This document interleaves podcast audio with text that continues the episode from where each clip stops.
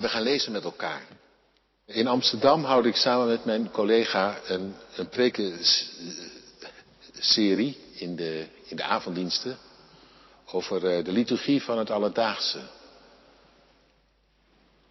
Hoe kan het, het gewone um, een goddelijke glans krijgen in ons bestaan? Hoe voorkomen we dat de dingen uit elkaar gaan lopen? Van zondag en in de week. Hoe houd je het tot één geheel? En uh, ik wil daar nu de tweede preek van houden. Dus ja, er wordt natuurlijk ook een heleboel niet gezegd. Maar goed, toch nu vanmiddag gericht op uh, hoe wij de dag doorgaan. Hoe we de dingen beleven, ervaren. En met het oog daarop wil ik uh, wat gaan lezen. Uh, en dat is uit uh, 1 Korinthe 6, vers 12. U zegt, alles is mij toegestaan. Maar niet alles is goed voor u. Zeker, alles is mij toegestaan. Maar ik mag me door niets laten beheersen. U zegt, het voedsel is voor de buik en de buik is voor het voedsel. En God zal aan beide een einde maken.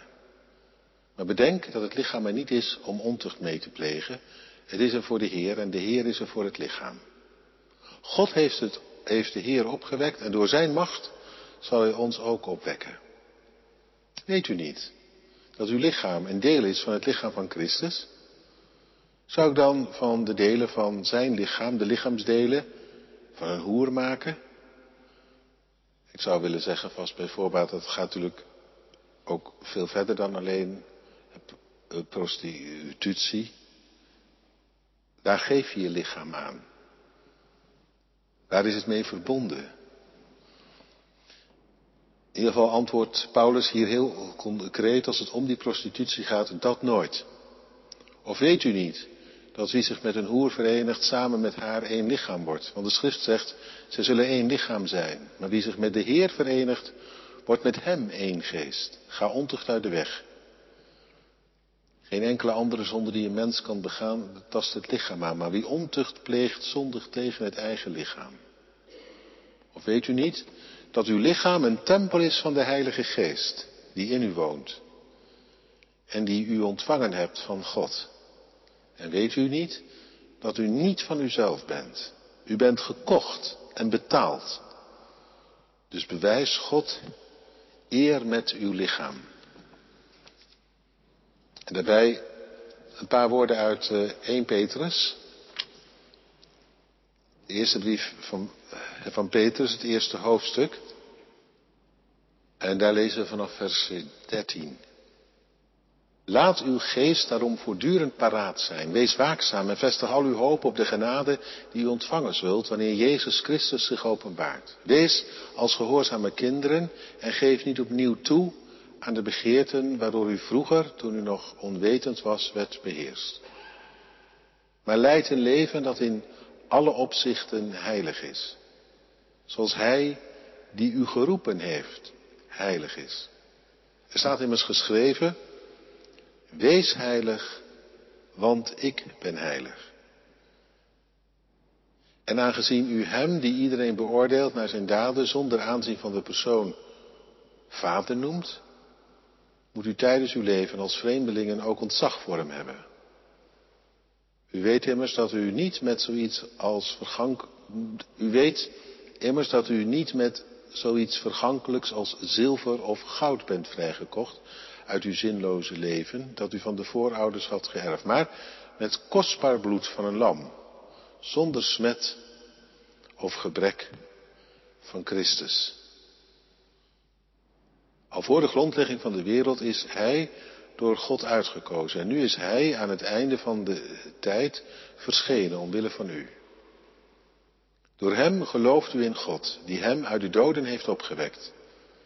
En Hem laat delen in zijn, in zijn luister. Zodat uw geloof tevens hoop is op God. Tot zover.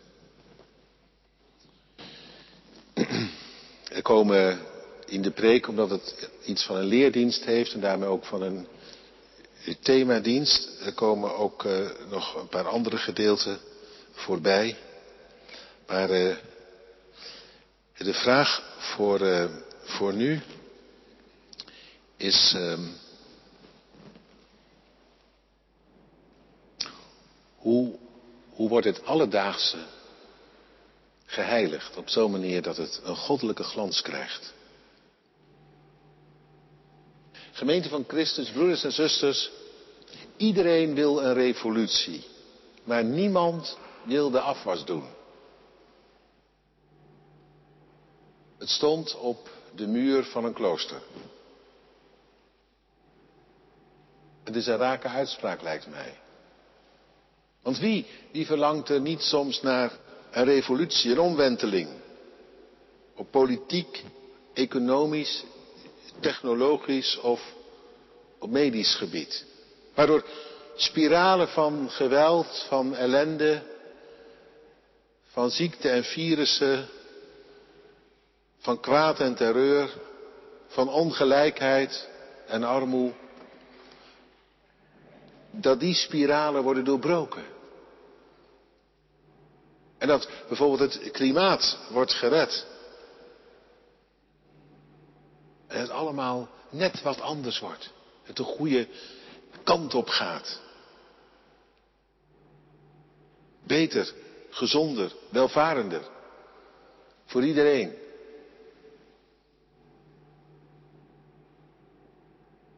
Iedereen wil een revolutie.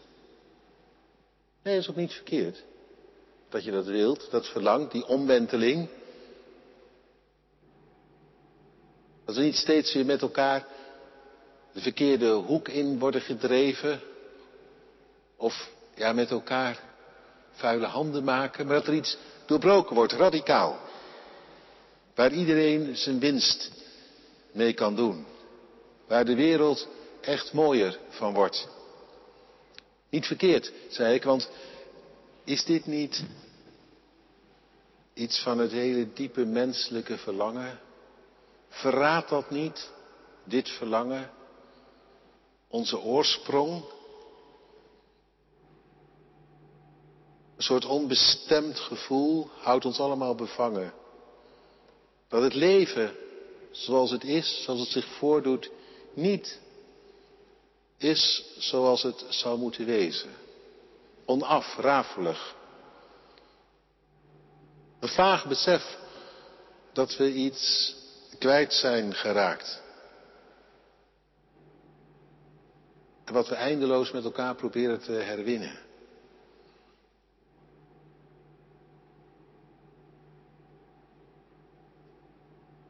Een blijvend ongenoegen over allerlei kwaad en gebrokenheid waar we aan lijden. Waar deze wereld voortdurend mee te maken heeft. De journaals zijn er vol van, toch? In ieder geval maakt het de hoofdmoot uit. Het wendt blijkbaar niet echt. Het blijft nieuws. Al is het steeds weer hetzelfde liedje. Het blijft ons ook schokken en verontrusten. En steeds weer, ja, wordt er gezegd dat er maatregelen moeten worden genomen. Dit nooit meer. Hoor je dan. En intussen gebeurt het keer op keer. Nou ja, wat zou er nu mooier zijn als op een dag alle journaals wereldwijd zouden aankondigen. Het lek is boven water. Het lek is ontdekt en het is slechts nog een kwestie van tijd. En alles wordt anders. Wie snakt daar niet naar? Dat zou nog eens, eens nieuws zijn, toch? Wordt het leven eindelijk goed? Iedereen wil revolutie. Ja. Maar niemand wil de afwas doen vlakbij. Dat hele gewone. Weet je wel dat je de vuile vaat wegwerkt, opruimt. En je voelt wel aan, dat staat symbool voor veel meer. Het staat symbool voor opruimen wat er moet worden opgeruimd. Maar dan gewoon op die vierkante meter van jouw bestaan. Daar. Doen wat voor de hand ligt. En wat het leven net een beetje, een beetje mooier maakt. Want laten we eerlijk zijn, een opgeruimd, een, een opgeruimd aanrecht, dat staat toch echt plezieriger, gezelliger, zeker op de lange duur, dan een aanrecht waar het altijd één grote puinzooi is.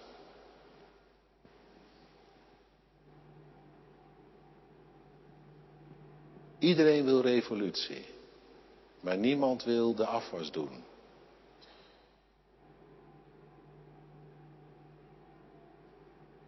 Schokkend, echt iets om over, over na te denken. Verbeteren van de wereld, ja natuurlijk. Maar om dan te beginnen bij jezelf. Op die vierkante meter van de aarde die jij beslaat.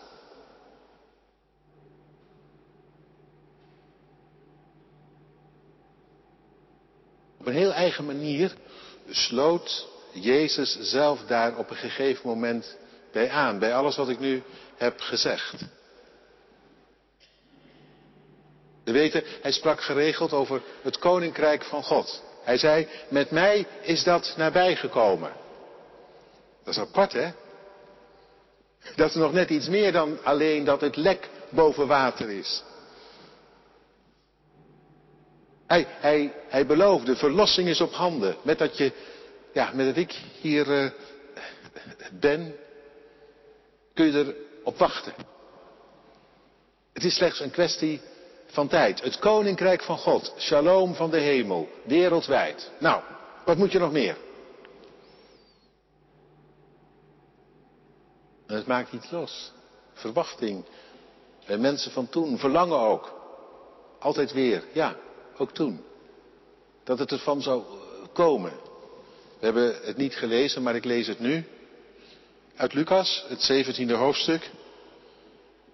Zelfs fariseeën zijn benieuwd. Want zo staat daar in Lucas 17 vanaf vers 20.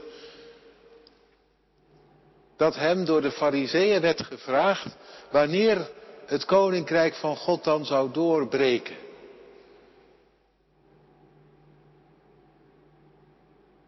Ze zaten er al jaren en dag op te wachten, hoewel het raakte natuurlijk ook wel eens uit beeld. Helemaal genoeg aan hun eigen kleine vrome wereldje.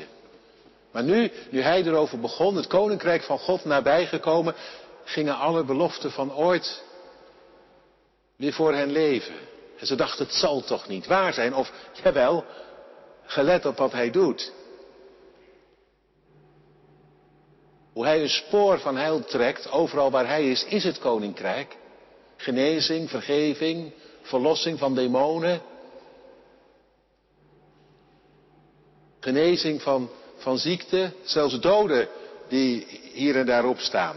Nou, inderdaad, in hem komt het nabij. En zij, zij zijn benieuwd en vragen. Hoe lang nog?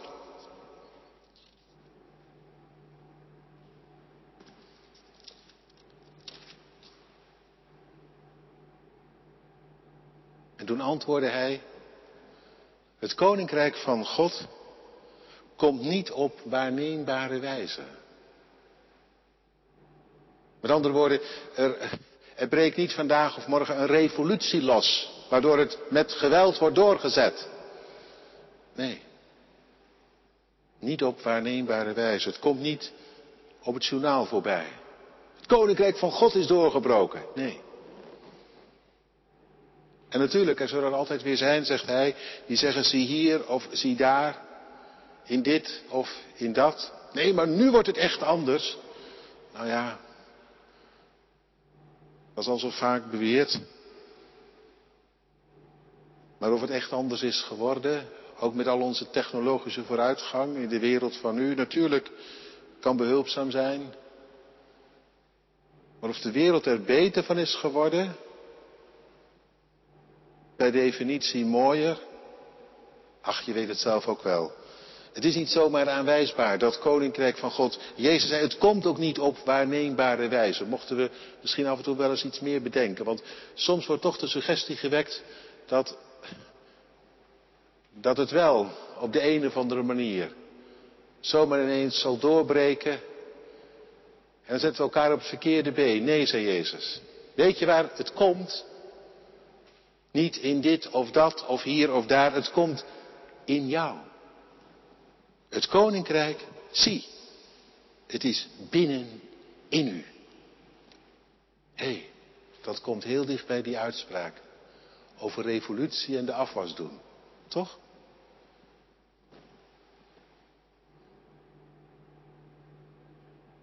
En dat lijkt me voor de hand te liggen. Want het koninkrijk is niet iets wat van bovenaf wordt opgelegd en je dan allemaal je aan gewonnen moet geven. Nee, dat koninkrijk, dat is dat de geest jou inwint. Heel diep, in jouw denken, hier. Tot in je diepste gedachten, dat heet je hart. En daar iets gaande maakt. Te denken geeft op zo'n manier dat je door hem, hem laat gezeggen en je leven in zijn licht komt te staan. Bij jou het lek boven water komt, zo gezegd. En hij dan doorbreekt met zijn shalom en vrede, met zijn geest. Zoals we net beleden uit de catechismus. Mij van zijn geest gegeven. En daar, daar begint het dan te werken. Dat koninkrijk in jou, jouw denken en in jouw doen.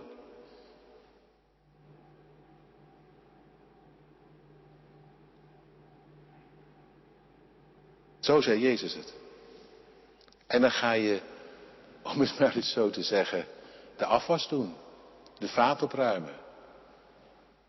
Ja. Want God is niet van zooi en vuil. God is van goed en schoon. En dan niet op een burgerlijke manier natuurlijk, alsjeblieft. Maar op een hele gave manier. En dat begint bij jou in jouw bestaan, tot in het alledaagse toe. Heel gewoon. Haalbaar ook. Nou ja, haalbaar. Je moet er wel een beetje zin in krijgen. En zelfs als het om die zin gaat, is het de geest die iets in jou wil gaande maken. Zo gewoon woont de geest in ons. Jij een tempel van Hem. En dat Hij dan door jou heen op maandag en dinsdag kan doen wat het leven anders maakt. Net iets mooier, iets opgeruimder, iets gaver. Schoonheid die herinnert aan het begin, de schoonheid van de schepping. Toen hij de chaos omvormde in iets wat zo gaaf was dat terwijl hij een stap terug deed elke avond en het bekeek, zei goed, tof, gaaf, af, mankeert niks aan. Dat. Begin je er een beetje mee te komen? Ik bedoel, in de liturgie van elke dag. Dat het gewone een goddelijke glans krijgt in jouw bestaan. Nou ja, Paulus die schreef, en we lazen het, bedenk één ding, je bent niet van jezelf, hè? Je bent duur gekocht, jij. En er staat erbij, verheerlijk daarom God in je lichaam en in je geest. Dus allebei. Niet alleen ja, een lied voor Hem en dat je hart op Hem gericht is en blijft. Nee, ook met je lichaam. Met je doen en laten en kijken en praten en gewoon alles, dat alledaagse.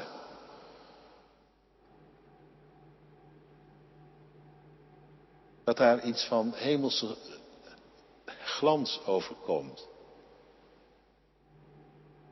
Dat er iets begint te stralen. Waar het daarvoor dof was. En dan doet het hele leven mee. Tuurlijk doet het hele, hele leven mee. Want dat is geschonken van hoger hand. En daarin, in dat leven, in dat hele gewone, daarin wil hij zijn. Dat dat leven opnieuw geheiligd wordt, Hem toegewijd. Verheerlijk God. met je lichaam en je geest. Het lichaam gaat zelfs voorop, als Paulus het erover heeft. Nou, dat is wel iets om even bij stil te staan en tot je door te laten dringen. Ik moet je eerlijk zeggen, het kostte mij wel een beetje moeite om dit een plek te geven. Ik zou denken, ja, als dominee weet je dat wel, hoe je de, de week een beetje geheiligd door moet komen. Nou, toch niet. Als mens vond ik het nog vrij ingewikkeld te bedenken. En beseft ineens, dit is niet oppervlakkig. Dit is zo hoog en diep dat ik er amper bij kan. Dat het mij zomaar ontgaat. En het zou zomaar kunnen dat je dat herkent. Heb jij een idee hoe je dat nu doet? En morgen en overmorgen?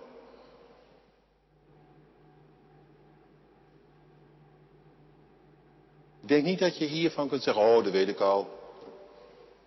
Maar dat het even heel goed denken is. Bedenken. En dan oefenen. Je, ja, inoefenen in dat wat was bedoeld.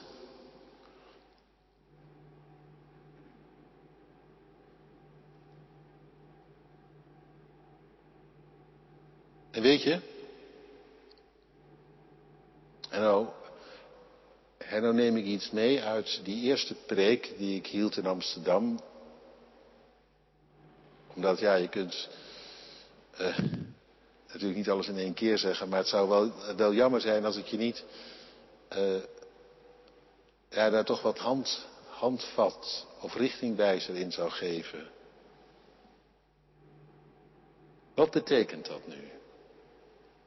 Mijn leven van elke dag in het licht van Hem en dat ik het zo ga beleven. Nou, dan kom ik even terug. Om terug bij, uh, bij God, bij Genesis 1. Wat ik net al zei. Als die één ding heeft gedaan, God, is het genoten van het allergewoonste. Van water en land. Van licht en duister, van dag en nacht. Van die wisseling. En van, ja, de zon, de maan, de sterren, het uit, uitspansel. Want, want hij deed, ik zei het al, elke dag een stap eh, terug en hij bekeek het en zei, goed, tof, af, gaaf. God heeft er plezier in, zo gezegd, in het werk van zijn handen. Dat is het eerste wat hij doet. Plezier hebben in dat wat hij gemaakt heeft. Nou, als het dan gaat over God verheerlijken, heilig zijn zoals Hij heilig is, dan begint het gewoon met plezier te hebben in dat wat je is geschonken, wat voorhanden is in jouw leven, in jouw bestaan. Net zo ervan genieten als dat Hij ervan geniet, van dat alledaagse.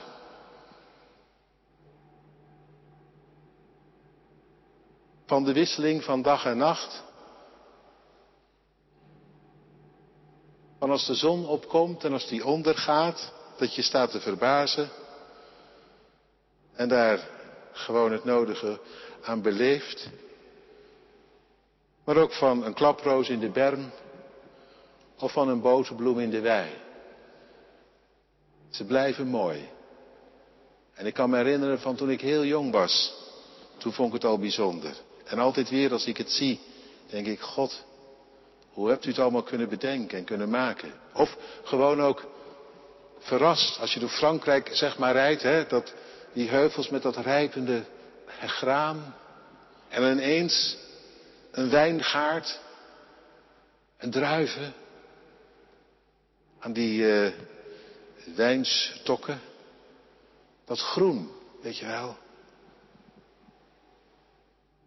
En ga je op het safari of ja, wat dichterbij, de dierentuin. Een brullende leeuw, een logge olifant, een lam dat zoogt, een paard dat draaft, een hond die blaft. Een poes die zo ondoorgrondelijk zit aan te kijken. Insecten die als je ze van ietsje dichterbij bekijkt, een wereld op zich zijn. The planet on earth. De wereld onder zee. Weet je, weet je ik, ik, ik heb het gevoel, toen God bezig was het te scheppen, toen heeft hij er gewoon zo'n plezier in gehad dat hij, dat hij maar niet ophield. Zo creatief, vind je niet? Als je dat soms ziet. Allemaal van die dingen waarvan je denkt, is dat nou echt nodig? Al die kleuren en dan hier nog een dingetje en daar een dingetje. God is één en al aan het genieten geweest van wat hij maakte. Dan gaan we het even niet over evolutietheorie en schepping hebben, al die scheikunde en natuurkunde, die laten we even voor wat het was. We zingen nu de lofzang op hem die het bedacht. En hoe het precies is ontstaan, daar mogen de wetenschappers zich over, over buigen. Maar ik sta versteld als ik het zie. En, en er staat in Psalm 104, de Heer verheugt zich in zijn werken. Vind ik mooi hè? Vind je dat ook niet mooi? De Heer verheugt zich in zijn werk. En daar is, daarin is hij net een kind. Zo zei althans eh, Chesterton. Die zei, God is net een kind. En een kind kan het ook begrijpen, want een kind kan eindeloos blij zijn over hetzelfde. Een kind roept nog een keer, nog een keer, nog een keer, totdat je de dood moe bij neervalt. Nou, dat doet God ook. Elk jaar vernieuwt hij het gelaat van de aarde en dan zegt hij nog een keer, nog een keer, nog een keer. En hij houdt maar niet op. En hij blijft er plezier in houden, want in diezelfde psalm staat, de Heere verheugt zich in zijn werken. En nu u en ik.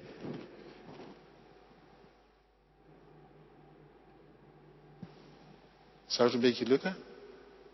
Er blij van te worden? Er blij mee te wezen?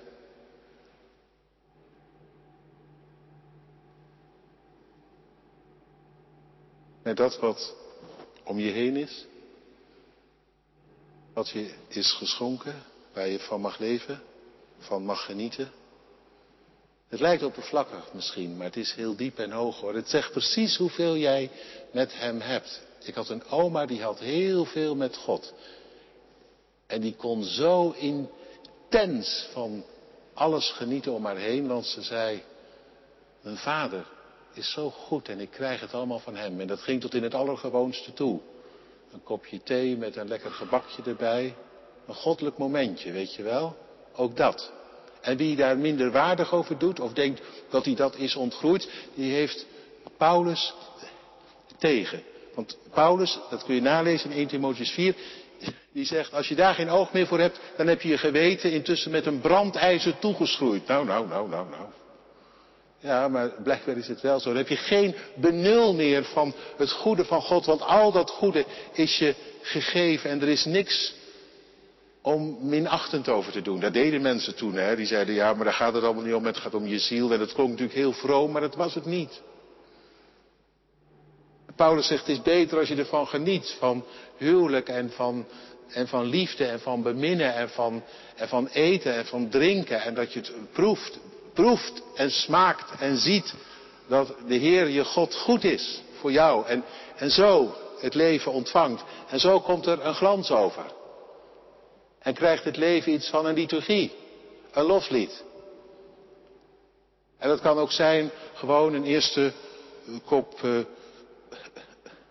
koffie in de ochtend. Wat een genietmomentje. Ja, ook dat is van God.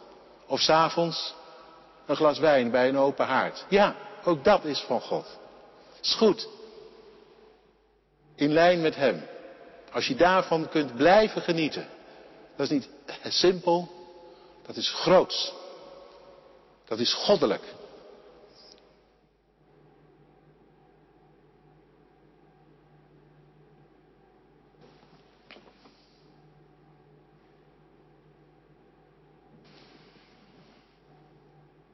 En dan zit je helemaal op het spoor van verheerlijken van God met je lichaam en met je ziel.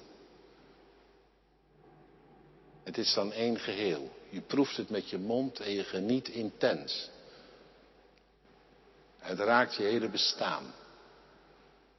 En je doet wat God zelf deed, al gelijk, vanaf het begin. Het was het eerste wat hij deed, maar dat heb ik al gezegd, maar ik zeg het toch nog maar een keer. Want ik moest ook een beetje wennen aan de gedachte, dus ik kan me zomaar voorstellen dat jij het ook moet. Maar dat is het eerste wat hij doet, hè. Genieten van het goede. En aan het eind neemt hij er zelfs een hele dag voor volgens Genesis 1. Gaat God een dag lang zitten genieten van het werk van zijn handen. Als hij heeft gezegd, zeer goed, tof, ziet hij ons lopen en hij kan het maar niet op. Zijn geluk. Wees heilig, want ik ben heilig. Dat is heilig en leven voor God. Dat om te beginnen in ieder geval. En dan krijgt heel je leven toch net even een andere, andere glans.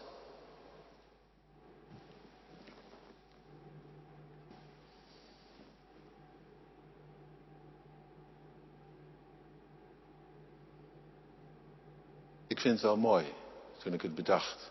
Ik vind het ook wel moeilijk. Zeg ik eerlijk. Ik vind het moeilijk om zo te kijken. Ik vind het moeilijk om alles met dankzegging, zoals Paulus dat zegt, te aanvaarden. En alles te verbinden aan God. En zo dat mijn, zo dat mijn leven niet bestaat uit een laadje hier en een laadje daar, een laadje God en een laadje van je studie en een laadje van de dingen die je voor de rest nog allemaal doet, maar dat het één geheel wordt. Al uw werken zullen u loven en uw gunstgenoten zullen u prijzen. Aparte zinnetjes in de psalmen, maar daar, daar hoor je het een beetje in terug. Al uw werken. Dat je kunt studeren, dat je een job hebt waar je plezier aan beleeft. Maar zelfs ook als dat allemaal niet altijd vanzelf maar loopt, dan nog. God, ik mag dit doen, het kost me moeite. Maar u daagt me uit en ik mag ervoor gaan, me inzetten, al uw werken. En prediker zei, elke avond dan even zorgen dat je ook ontspant, niet jezelf zo afsloven dat er van je lichaam op den duur niks overschiet, dat het helemaal opraakt. Niet de bedoeling van God. Daar heb je het niet voor gekregen, om het op te branden. Je hebt het gekregen om je te ontwikkelen, te ontplooien en het leven te genieten. De Bijbel zegt het allemaal, ja in Prediker, het negende hoofdstuk. Daar staat het gewoon. Doe wat je kunt en intussen geniet elke dag. En zorg dan maar dat je gewoon lekker ruikt, s'avonds. En dat je goed eet en geniet met de mensen die jou zijn gegeven. En we weten allemaal hoe goed dat doet en hoe verdrietig het kan wezen als dat ontbreekt. Dat dat geen hemel is maar hele grote eenzaamheid kan wezen.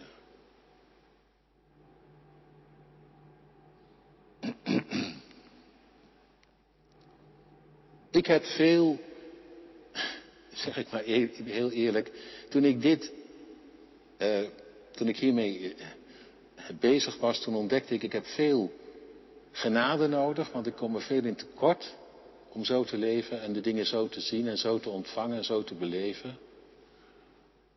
En, en veel, veel geest van God. God helpt me toch eens een beetje anders te kijken. Een beetje meer zoals u in kinderlijke verwondering. Herschep mij. Maak mij uw beeld gelijk, u die geniet. Dat ik met u meegeniet. Liturgie van het alledaagse. Ja, En dan komen die woorden dus zeg maar, bij elkaar. Gekocht door Hem met lichaam en ziel en daarom, je behoort Hem toe. En wij leggen natuurlijk altijd de nadruk dan op de moraal. Afstellen van het zondige en opstaan in het goede. En dat is ook goed en dat klopt. En ook dat moet, ook dat is de vaat doen in je leven. De afwas, weet je wel. Misschien, misschien moet er toch nog wel wat afwas worden opgeruimd. Wat vuiligheid. Gorigheid. Want gorigheid hoort niet bij God, dat kan ik je verzekeren. Gorigheid is niet het goede leven. Goor is goor. En dat komt meestal uit de hel. Even heel kort door de bocht, maar het is maar dat je het weet. En je weet het zelf eigenlijk ook wel. Toch? Zo raar is dat toch niet? Als ik dat zo zeg. Nou ja, ik hoop dat het het lukt om erin mee te komen. En, en dan ga ik even vanuit die woorden die we nu hebben gehoord, even naar Romeinen 12. En daar staat het in één zin. In Romeinen 12, daar staat, ik vermaan jullie, hé, hey, gaat niet helemaal vanzelf. Bij de ontfermingen van God, dat God je tot de zijne heeft gemaakt, dat jij je lichaam, je hele bestaan dan stel tot een, een levend offer waar hij behagen in heeft, oftewel plezier aan beleeft. Dat hij opsnuift en zegt, oh dat is mooi, zo, zo had ik het nou bedoeld. Dat mensen zo zouden genieten van mijn liefde, van mijn genade, maar ook van het goede. Dat ik ze geef, waarmee ik ze omring. Dat ze mogen hebben, beleven. In de dingen die ze kunnen doen en in elkaar. Je hele bestaan, een levend offer. Daar komt het bij elkaar, hè? Ziel en lichaam, één geheel. En weet je waar we dat oefenen? Hier. We zitten het vanavond te oefenen. Hier. In de kerk, elke zondag. Dat je gericht raakt en blijft op Hem. En zo je hele bestaan erin mee wordt genomen. Dat, dat wat Hem voor ogen staat, hoe langer hoe meer zich uitwerkt. In jou doen en laten. En dat anderen het zien, opmerken. Wat is dat toch met jou? We oefenen het hier. En natuurlijk in de kerk is het vooral, ja, dat we oefenen met onze geest. Hè? Dat is soms wel een beetje jammer hoor. En ik snap het allemaal wel, maar eigenlijk zou ons lichaam op zondag ook een beetje mee moeten oefenen. In knielen en opstaan en in je handen opheffen. Daar zijn we niet van. Maar intussen komt er zo weinig beweging in ons lichaam, hè? Vind je ook niet? Je lichaam doet zo vaak niet echt mee. Niet alleen op zondag in de liturgie, maar ook in de week dan niet. Nou ja, goed. Ik wil het daar nu niet uh, te veel over hebben, maar het hangt wel samen met elkaar, denk ik. Dat je lichaam een beetje in beweging het komt, richting God. Je ook met je lichaam Hem verheerlijkt. En met je geest.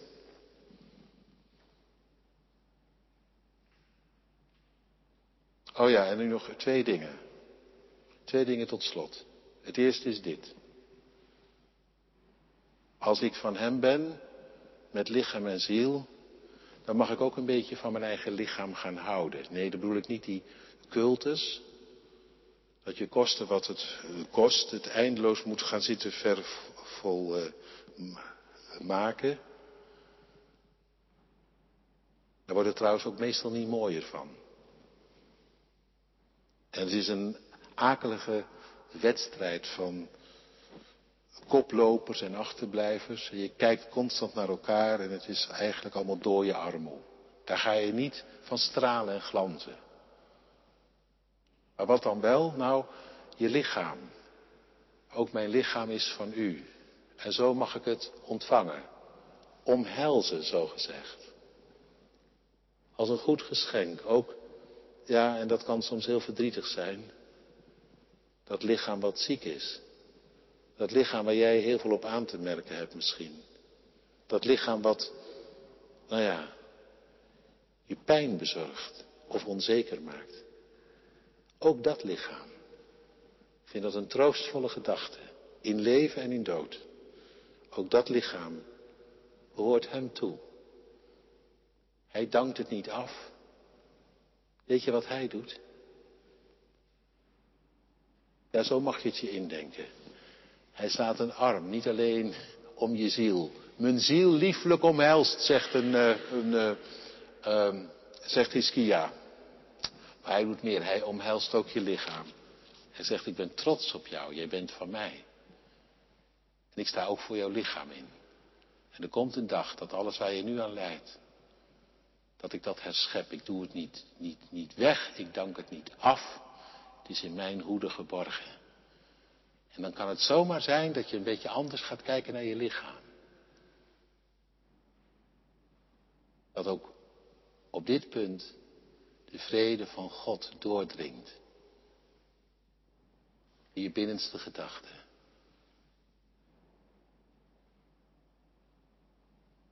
Dan kun je zomaar Misschien glimlachen naar jezelf. Als je kijkt in de spiegel. Omdat je door alles heen het verborgen gelaat ziet van God. Doet je lichaam helemaal mee in de liturgie. Dank u wel, ook dat behoort u toe.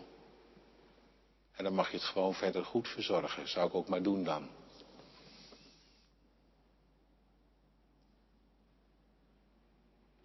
En het laatste is dit. is een hoop gezegd. Je vraagt je misschien af, hoe moet dat nu? Want ik krijg het niet in één keer om. Nee, ik ook niet. Het blijft voor mij heel erg oefenen, wat ik vanavond geprobeerd heb uit te leggen. Het is volgens mij heel bijbels, maar niet echt gemeengoed. En toen kwam ik uit bij die gelijkenis van dat zuurdeeg. Een kleine gelijkenis, ook over het koninkrijk. Hè. We hadden het in het begin over het koninkrijk is in je. En Jezus zei, het koninkrijk is als een zuur deeg wat door het meel wordt gekneed. Nou dat. Kneed het maar door het deeg van je leven. Totdat het geheel doorzuurd is. Blijf maar kneden. Het gaat niet in één keer. Maar ik mag hopen dat je het ter harte zult nemen. Dat waar het vanavond over ging, want het gaat wel ergens over. Ik hoop dat je dat begrijpt. Het gaat over een leven waarin je met lichaam en ziel God verheerlijkt. Dat is me nogal wat.